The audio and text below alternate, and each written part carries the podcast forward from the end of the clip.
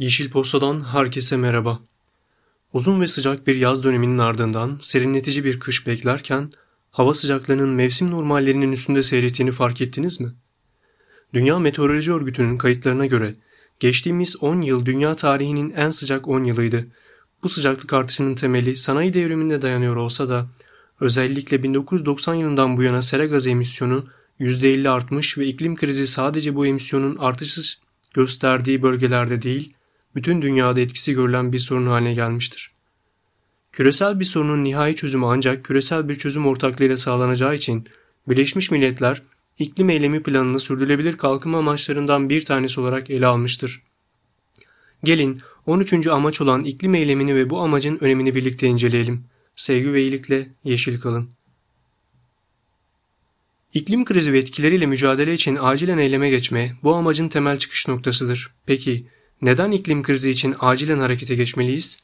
Çünkü yerküre fosil yakıt tüketimiyle artan sera gaz emisyonları nedeniyle sanayileşme öncesi ortalamalara göre yaklaşık bir derece daha ısındı. Bu durum şimdiden kuraklık ve seller gibi aşırı hava olaylarına, deniz seviyelerinde yükselmelere ve Arktik denizinin erimesine neden oldu. Eğer bu ısınmanın önüne bir an önce geçemezsek ve dünya sanayi öncesi ortalamalara göre sadece 1,5 derece daha ısınırsa önlenmesi mümkün olmayan bir yıkım ile karşı karşıya kalacağız.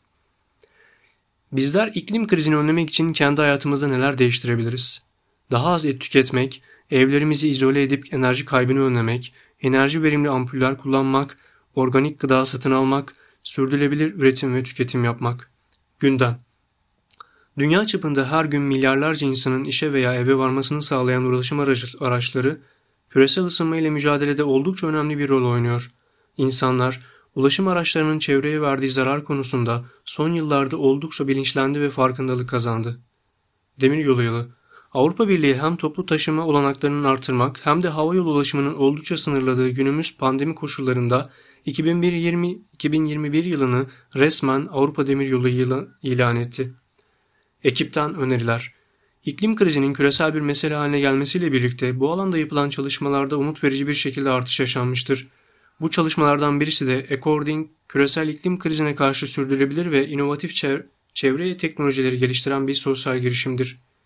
Ekodron adı verilen insansız hava aracı ile ağaçlandırma çalışmalarına inovatif bir boyut getirmesi planlanıyor. Hadi keşfedelim. Virüsler canlı değildir çünkü hücre yapıları yoktur ve besini enerjiye dönüştüremezler. Bununla birlikte virüsler tam olarak sonsuz da kabul edilemez. Çünkü genetik materyallere sahiptirler ve mutasyon geçirebilirler.